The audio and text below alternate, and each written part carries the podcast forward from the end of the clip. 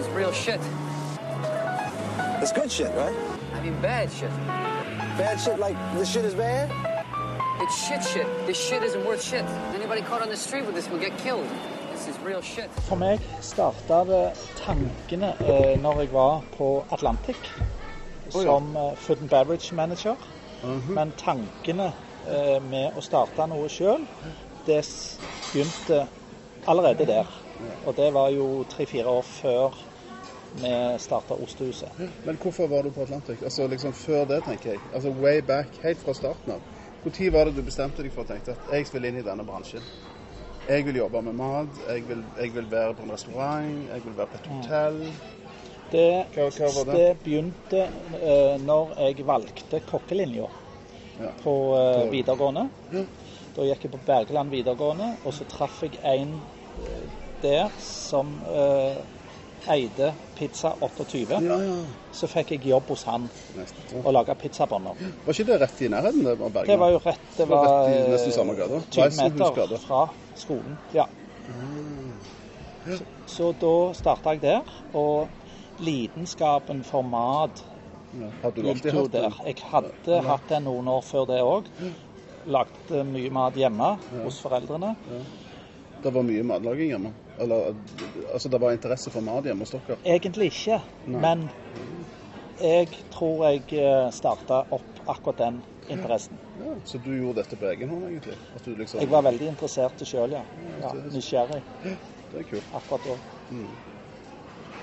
Ja. Og så begynte du på Bergland. Begynte på Bergland, og så sleit jeg litt med å få læreplass når jeg hadde gått på skolen. Eh, og hadde søkt litt rundt forbi på hotellene og restaurantene i Stavanger. Men sommeren kom, så hadde jeg ikke fått læreplass. Og da husker jeg malte hus med far min som sommerjobb. Ja, det gjort. Og så kommer, så en telefon fra eh, læreren som jeg hadde hatt. Og han sa at eh, de mangla en lærling, eller de hadde en læreplass på Alstor. Og det var eneste plassen jeg ikke hadde lyst til å begynne, det var på Alstor. For der likte jeg meg ikke når jeg hadde vært utplassert. Ja, du hadde allerede vært der? Ja, Så tenkte jeg nei, der, og der hadde jeg ikke søkt heller. Men OK. Jeg eh, tok ja. steget og sa ja, og jeg hadde ikke noe valg. Jeg måtte komme meg inn i faget. Og eh, det var det kjekkeste plassen jeg kunne være i lære. Så For det var bare noe helt annet å gå i lære enn å komme inn sånn som en uh, elev Ja, ja, og, og sånn. ble satt til det ene og det andre. Ja, du fikk mm. Så jeg hadde en utrolig flott læretid. Hvor lenge var du der? Uh, to år. To år. Og så jobbet jeg litt grann etter læretida, da. Så etter det så var det noe helt annet, og det var kafeteria. Oh, ja. Da starta jeg på Epa kafeteria. Å ja, ja, der gikk jo jeg da liten. Ja. Og der sto jo folk i kø for å spise kumler. Ja, ja. Det er helt utrolig. Ja, ja, det var fint der nede. Altså, det var jo Det var, kjempekoselig. det var skikkelig god, tradisjonell hjemmelagt mat. Eh, og folk sto i kø til posthuset for å få den maten, for det var billig. Ja. Og så var det kjøttkaker og steik til sei og alt det der. eh, norsk eh, Norsk eh, mm. Så var du, havna du der. Så havna jeg der, og så ble jeg enda mer nysgjerrig på faget. Så så s- s- følte jeg at jeg utvikla meg litt eh, de neste årene. Rota meg opp i en kafé nede i Kongsgata noen måneder, eh, som jeg ikke skulle ha gjort. Men det var spennende, det òg. Okay. Eh, Hva kafé var det? det var Kafé Domino. Oh, ja. Og det var sånn at eh, den første måneden var bare bang. Det var sånn trendy plass ja. med bar og en liten barmeny. Eh, men etter jul og nyttår da, så ble det januar, og det ble stilt. Ja. Og da satt vi, husker jeg, vi satt og venta. Kommer det noen i dag? Mm.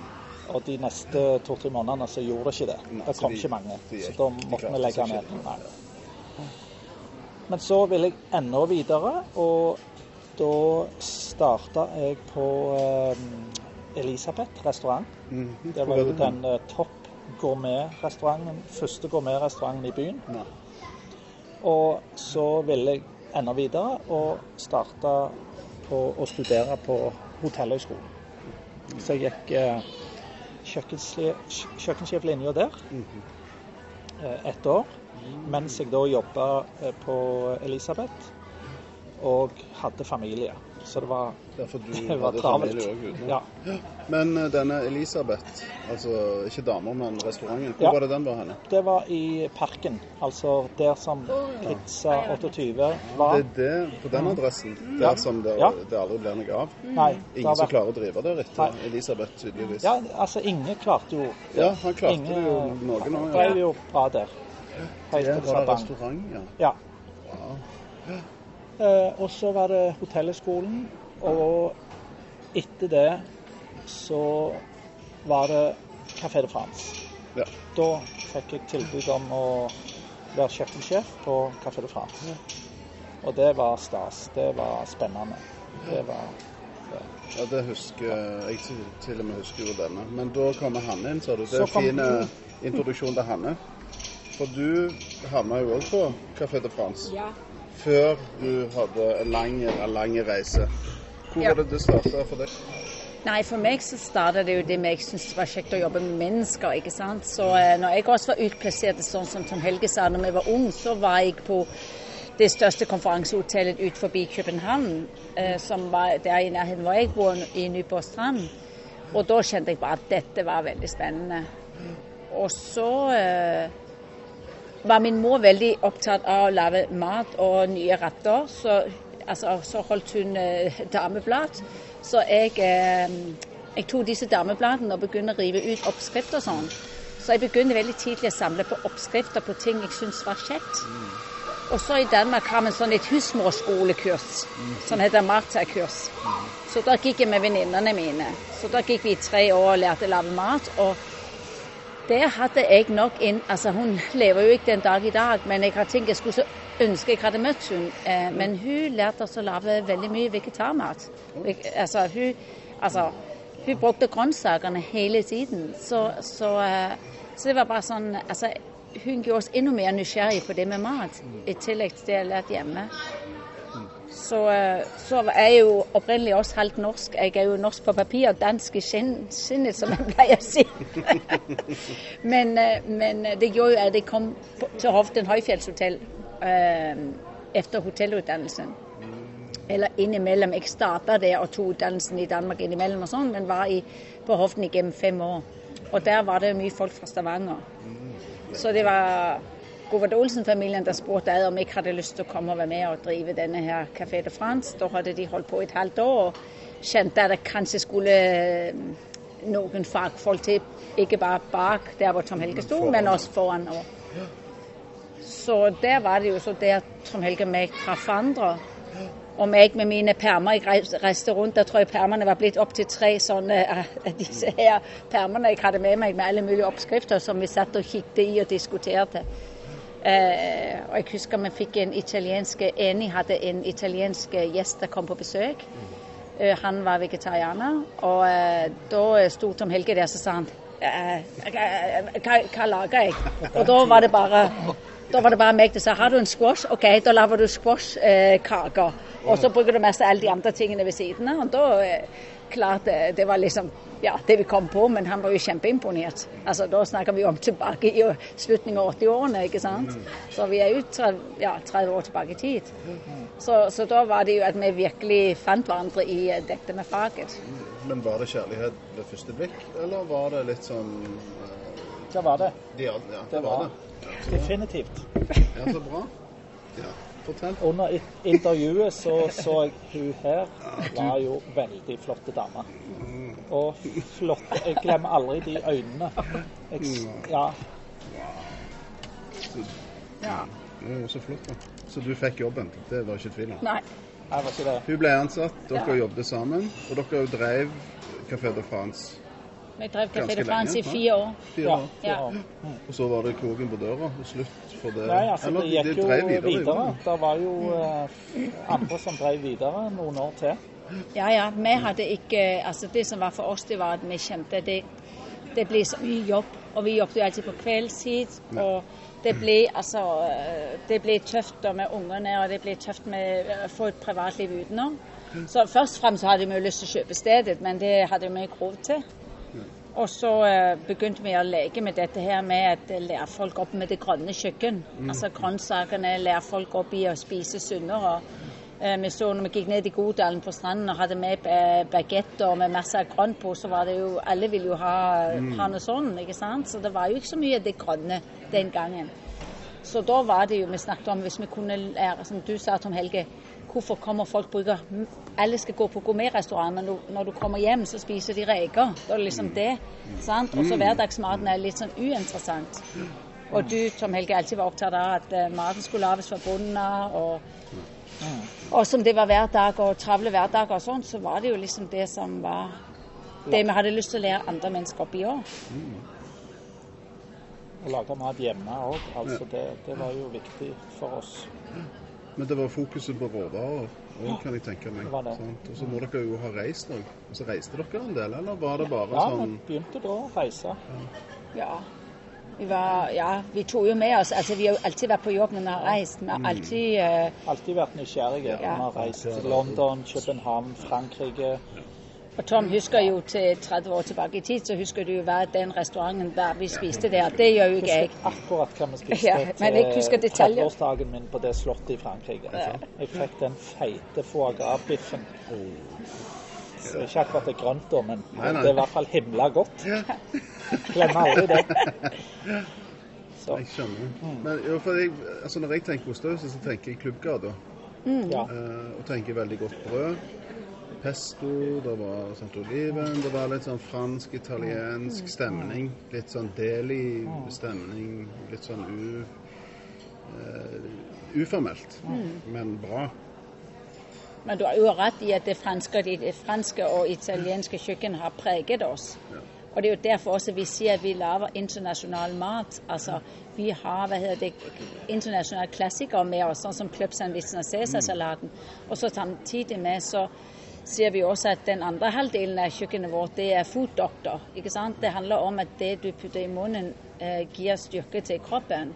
Sånn at eh, selv om vi har mulde fritt, så kan du si fritten er kanskje ikke så sunne, men hvis du sørger for å ha den gode oljen og skifter med jevne mellomrom, så er det i hvert fall det et hakk bedre. Og at det du da ved siden av kan lage eh, ja, en eh, vegansuppe som jo eh, alle kan spise, og som er masse av gode grønnsaker i, med rå, råvarene er godt eh, Bruke grønnsakskraft. Ikke, Ikke sant? altså, Ja. Som ja, base. det er ikke verre enn det.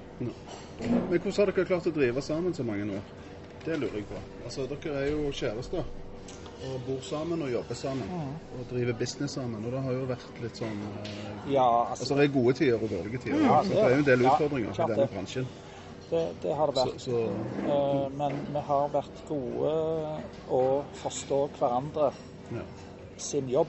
Vi har ikke gått og klort i det samme, men vi har spilt på lag, gjort hverandre gode og, og hatt forståelse for hverandre sitt, eh, sin stilling. Men det er klart hadde vi fortsatt på Café de France og ikke hatt det breaket med å komme forskjellige andre steder, så hadde det ikke sikkert vi hadde vært gift i dag.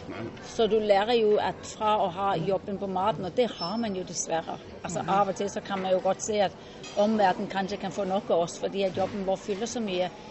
Og det har jo tatt mange år å akseptere også at den faktisk gjør det, fordi at du har et ansvar med deg. Altså, det er fantastisk å få lov å drive seg sjøl og få lov å gi de mulighetene, men, men eh, det er også et krevende ansvar. Jeg kan på en måte ikke bare gå hjem nå i dag og så si at de, må, altså nå de neste 14 dagene så, vil, så eksisterer ostemusikk for meg.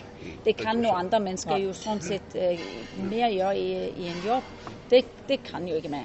Så på den måten, så når vi gikk tilbake og traff hverandre igjen i, i jobbsammenheng, så var vi veldig tydelige på eh, at jobb er jobb, og liksom snakke om ting. Og et eksempel var her til morgen når jeg kommer på jobb, så sier Børge Begynte han å lese, sier han jeg lurer av og til på er dere to gift? For da hadde du sendt en melding ut rundt noen eh, spørsmål.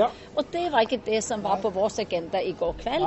Og da er, er jobb jobb, og så er det akkurat som en annen eh, ansatt. Da kommer det en mandagsmorgen istedenfor hele søndagen skal fylles på hva noen har. Der er vi gode.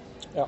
Og det, og det, Og det er kanskje et vet godt. Det vet vi sjøl at okay, søndag kveld kan vi ikke begynne den diskusjonen om ditten og datten. For da ødelegger det nattesøvnen og bekymringer. Og så la vi vente til mandag. Det er ikke noe som springer av. Så Og det er litt viktig overfor ansatte også, at ikke Ja. du bombarderer de med spørsmål hele tiden, vet du, så får man aldri fred. I perioder, selvfølgelig sånn som krisen har vært inne i nå, så har det jo vært veldig mye sånn, men, men hvis du bare har litt det med deg i mente, eh, og spesielt nå også med sosiale medier, hvor man blir, på sett og vis blir bombardert, selv om man ikke vil, så fanger man jo opp ting, eller så, så, er, det, så er det viktig å være litt sånn strukturert i reglene der. Er. Men som eh, gründer, da. eh, Som matgründer i- matfylket Rogaland. vi har jo fantastiske produkter nær oss. Veldig kortreist mat. Eh, Det er ost, det er grønnsaker, det er kjøtt, det er fisk. Så vi er jo liksom midt i matfatet. Og der er hele veien forbedringer, der er hele veien nye produsenter. Så det er utrolig spennende. Det, det er det. Og så har vi jo reist en del, sånn som du sa òg. Altså, altså til å begynne med så var verdigrunnlaget vårt Vi har jo alltid kalt det tapas. Og det er fordi at da kan alle ansatte lett forholde seg til det. For det er jo litt med små radder og sånt, og så ligger det ord rundt det. Men tidligere var vi jo mye med å finne trender fra utlandet. Men så ser du utviklingen altså Plutselig så, som Tom sier, der kommer oster, der kommer alt mulig. Og det å fange opp det, og hele tiden utvikle deg, og hele tiden være på, eh, det har også vært en stor del av oss. Altså, Det er jo krevende. det krever det. Men vi, vi, vi vil jo være her, men vi vil jo også være her. Og, og, og jeg mener også alle forbrukere av Ostehuset er smartere forbrukere. Eh, om de vet det, og alltid er like bevisste. Men det er, det er eh, det er noe med når du får de gode råvarene, og du er villig til å gi det lille ekstra kanskje for den tomatsuppen, fordi den er lagd med Hanesand sine tomater, ikke sant? og med en fersk basilikum fra Kårevik og hva vet jeg. Altså alle disse tingene. Så, så, eh, og den, ja Ostetoasten eller hva det måtte være med chèvre fra Bo Jensen. Altså det er jo alle disse tingene der eh, som forbruker, når man gjør det, er villig til å gjøre det, så, eh, så blir man jo også en krevende kunde. Og, men også med, så er forbrukeren også med å utvikle oss igjen. Yes. Så det er jo et samspill. Men Hvordan har det utvikla seg på råvarefronten i forhold til når dere starta? Er ikke det en enorm utvikling som Jo, skjedd? det har Eller var det på en måte like mye og bredt utvalg? Det var jo ikke det. Nei, det var ikke det. Og eh, det, det, det er grønnsaker, det er fisk. Det, jeg husker altså Sjøkreps var jo håpløst å få tak i. Det var jo frossen sjøkreps eh, for 30 år siden. Og Uh, Eksempelvis Kleppsandvitsen sier vi jo. Folk, Ja, sier, ja. folk kan komme og si at Kleppsandvitsen er bare blitt mindre og mindre. Så sier man at den er blitt bedre og sunnere og sunnere. Det var jo frosset kylling og ikke noen særlig industrikylling, Ja. og det var sant. Nå er det en kvalitetskylling. At Salaten, tomaten, bacon fra Idsø. Brødet er mye bedre. Det er Surdeigen vår blitt Dere eh, baker jo bare sjøl. Ja. Det er jo òg fantastisk. Og det starta vi jo med i Klubbgata. Vi ja, lagde jo Ja, ja. ja. Jeg lagde Helt fra starten av? Ja, ja. Jeg sto opp uh, tidlig, tidlig jeg, og satt en valnøttbrøddeig som ble veldig populært. Og, eh, og så utvikla det seg til at vi måtte ansette en baker på full tid, og lagde et lite bakeri inne i butikken i Å, Mm. Så det var en baker der, altså? Ja, ja. Og der, eh, Han starta jo da denne surdeigen, og det ble jo for lite det òg, så vi måtte jo inn videre inn i bygningen og etablerte bakeri enda lenger inn. Så ja. Til vi så det ble så stort at eh, vi, vi hadde lyst til å flytte ut av byen. Ja. Og det var jo Da hadde vi jo faktisk også Det kom jo alle disse bussene og diskusjoner om bussene over Domkirkeplassen. Og det kan vi jo si i dag. Det ødela butikken vår der nede. Det gjorde det altså fordi det ble for folk et busstoppested. Og de ansatte forsto ikke hvem som var folk, og hvem som var bussbetjenter, holdt jeg på å si, bussgjester. Så det ble veldig eh, Og da var det vi spurte Barma for vi hadde jo stor tungtransport på ting. Hvor stor kunde vi var hos de for bare liksom å ha noe å slå i bordet med. Da var vi Rogalands tredje største kunde hos Barma. Det forteller noe om hvilken utvikling vi har vært igjennom. Og vi trodde jo ikke det kunne være sant. Og vi spurte eh, eh, er alle telt med. Ja. Det fortalte litt om hvor mye halvfabrikater det blir lagd av mat rundt om i byen. Riktig, deg. Men eh, vi fikk ikke bussene vekk, så da fant vi ut at da får vi heller bare flytte til Øster bydel. For da hadde vi sjekket ut at de, det var veldig mange storhaug eh, folk som bodde der, som var trofaste Ostehus-gjester. Da tenkte jeg at da tar vi de med oss ut der, og så kan vi være for byen for resten. Men Det var jo litt av en risiko å flytte inn til Stavanger vest på det tidspunktet. På en måte så var det jo det, fordi at det var jo ikke utvikla sånn som det er i dag. Nei, Og Tau Scene var jo i sin spede begynnelse, men det var jo, det mangla gatelys, og Ja. det var litt sånn shabby. Det var ikke helt safe. Nei, Så, så, så dere var jo tidlig ute der Ja. òg. det var det. Men vi visste jo at det var ganske mange bedrifter der, der inne. Og, og bedriftene brukte oss. Det var jo bl.a. 100, 100 forskjellige bedrifter inne i Østre bydel i ymse forskjellige kategorier. Og de brukte oss. eh, til- litt urbane folk, vet du, som ja. uh, sitter pris på å sitte ned og drikke en kaffe. og de to den, de to den trenden og adopterte med en gang. Det var jo fantastisk å få dere inn der. Jeg jobbet jo på Tau Scene sjøl da. Så det var, jo, det var jo litt av en kontrast, egentlig, til dette her eh, shabby Ja, arbeiderstrøket det som plutselig er der sant, designmøbler og ja, sant, god kaffe. Og, Ja. Så ja, det, det, det var viktig. Dere har jo vært en viktig del av, av den bydelen, altså utviklingen av den bydelen. Men det er klart at eh, altså, vi skulle ha åpnet opp i 2007, og så ble det 2008. Så du kan si at én ting er å ta risiko, men vi åpner midt opp i finanskrisen da. Som, altså, Ostehuset har eh, stort sett bare åpnet opp i motgang. Så vi syns i grunnen vi er ganske gode Dere på er det. ganske gode, Ja, faktisk. I kriser. Det åpner Ostehuset. vi liker helst litt motgang. Ja, men hvordan er det å drive en så stor, eh, så stor bedrift som dere gjør nå? da? Altså Dere har tre, tre steder. Mm. Sant? Og eget bakeri har dere jo. Og, og en haug med ansatte. Mange. Mye ansvar. Mye penger som Ja. går inn og ut. Ja. Og det er òg et bryggeri her. Stemmer det. Sant? Så, så det er liksom stor aktivitet. Så er det bakeriet på øst. Så Ja. Det, er mye som skjer. Det er mye, Det er jo døgndrift fra bakerne. De baker jo en del på natten. Ja. Så det er liksom 24-7. Og sjåfører og leveranser. ja. Mm. Det er klart Når du står midt oppe i en krise sånn som vi kom nå, så kjenner du selvfølgelig på det med de ansatte. Og det er klart at eh, så for hver gang vi opplever at vi får en og mer, en og en mer tilbake i fulltidsstillingen, noe lettere er det jo, men det er jo klart at det er jo noe den diskusjonen der foregår i Norge òg nå. Det er jo at eh, vi må eh, effektivisere bransjen vår, sånn at vi blir eh, automatiserte, får bedre digitale løsninger som vi trenger mindre folk. Men så får vi kanskje bruke hvis det kan bli effektivt, så er det jo litt sånn som bankene. Det er jo ikke nødvendigvis fordi det blir så veldig mye mindre folk. De får bare folk der gjør ting på en annen måte. Så det er den vi, vi må i gang og jobbe med nå. Som jo både er spennende og utfordrende. Og så er vi jo privilegerte at vi har en god stab med oss. Det har vært med oss i veldig mange år. Vi har selvfølgelig også en del av de som har vært med i mange år, som, som må videre. Men så er det alltid noen der kommer tilbake igjen. Så, så vi er mange som har vært med lenge som kjenner hverandre og øh, er vant med det der DNA-et på å utvikle seg hele veien og være nysgjerrige. Er vi fornøyde med det? Er vi gode nok på det vi har? Så nå har vi jo selvfølgelig gått noen steg tilbake og liksom kjent veldig på å ha mindre åpningstid, mindre meny. Og så skal vi ta små steg om gangen her nå som vi bruker det her til på en måte en liten nullstilling, men også samtidig med gjøre produktet vårt kanskje enda bedre. Og mer lønnsomt. For det blir jo enormt viktig. Vi Det er må jo det være som er viktig nå. Ja. Det er jo så små marginer i denne bransjen at det er så sårbart. Så hvordan kan en få de marginene opp ja.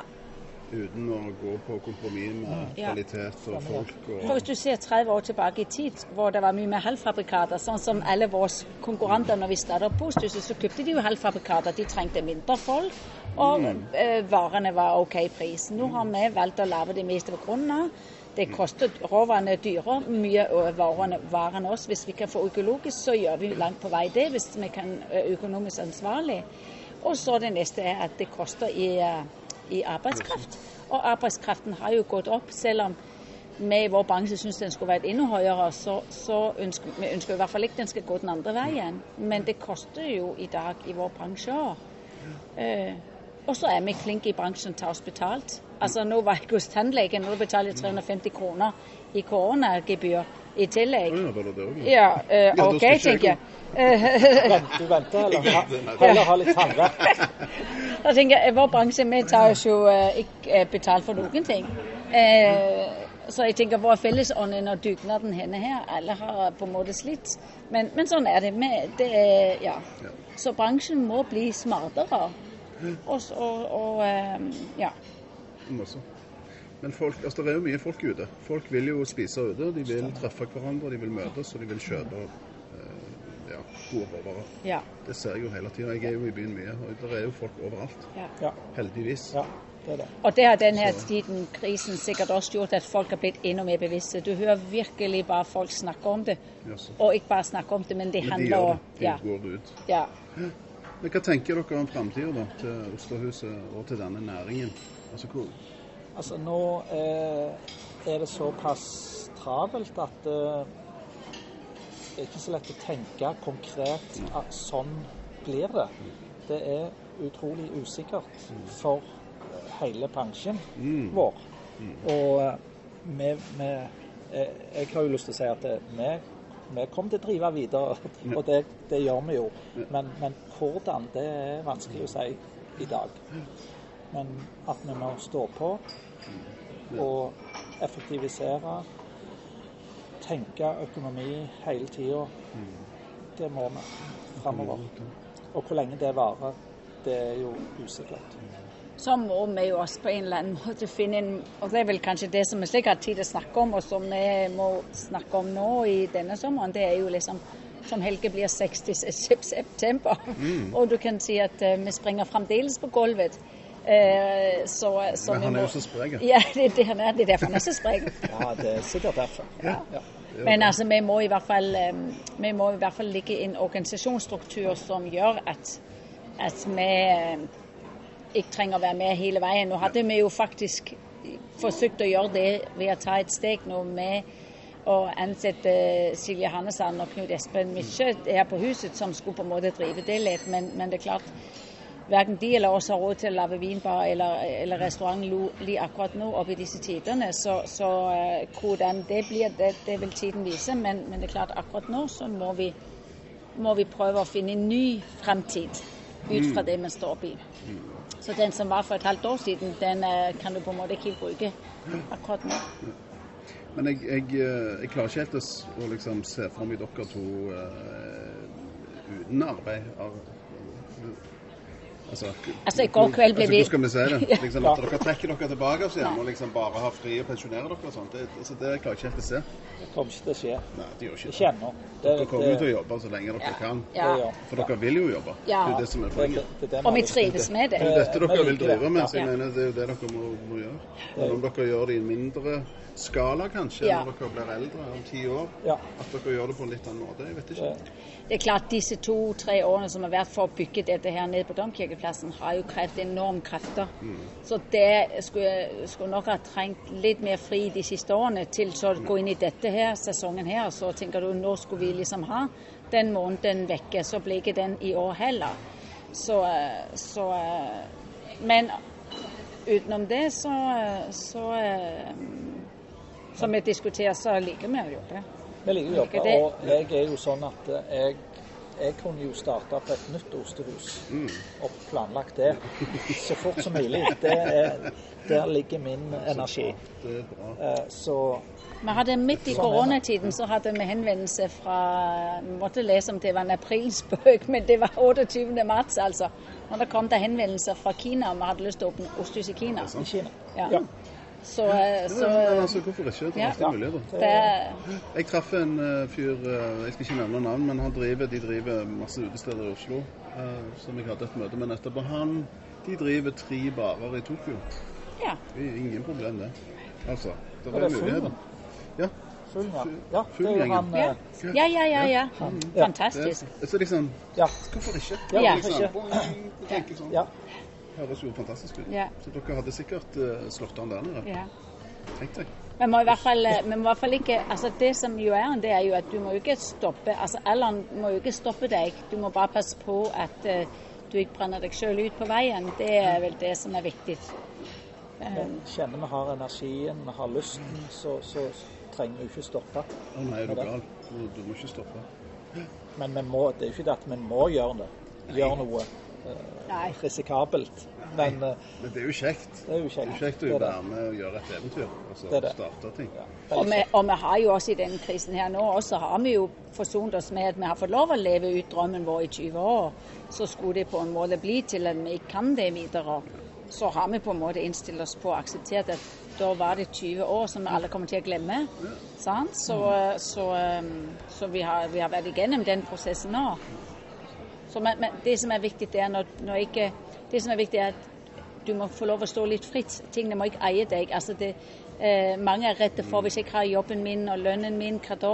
Men når man lukker en dør, så åpner det seg alltid noe nytt. Eh, I hvert fall litt sånn min filosofi. At, og hvis du klarer å puste med magen og ikke lar deg stresse på ting, så kan det komme mye godt ut av det. Men i perioder så klarer man jo ikke det, fordi det er for store utfordringer. Så det, det, vi er jo bare mennesker alle sammen. Ja, ja, men dere har jo klart det. Altså, så langt. Kjempebra. Så. Men med de ordene så avslutter vi, så sier vi takk for besøket. Like måte. Så ses vi snart. Shit, shit. Yeah. This shit isn't worth shit. Anybody caught on the street with this will get killed. This is real shit.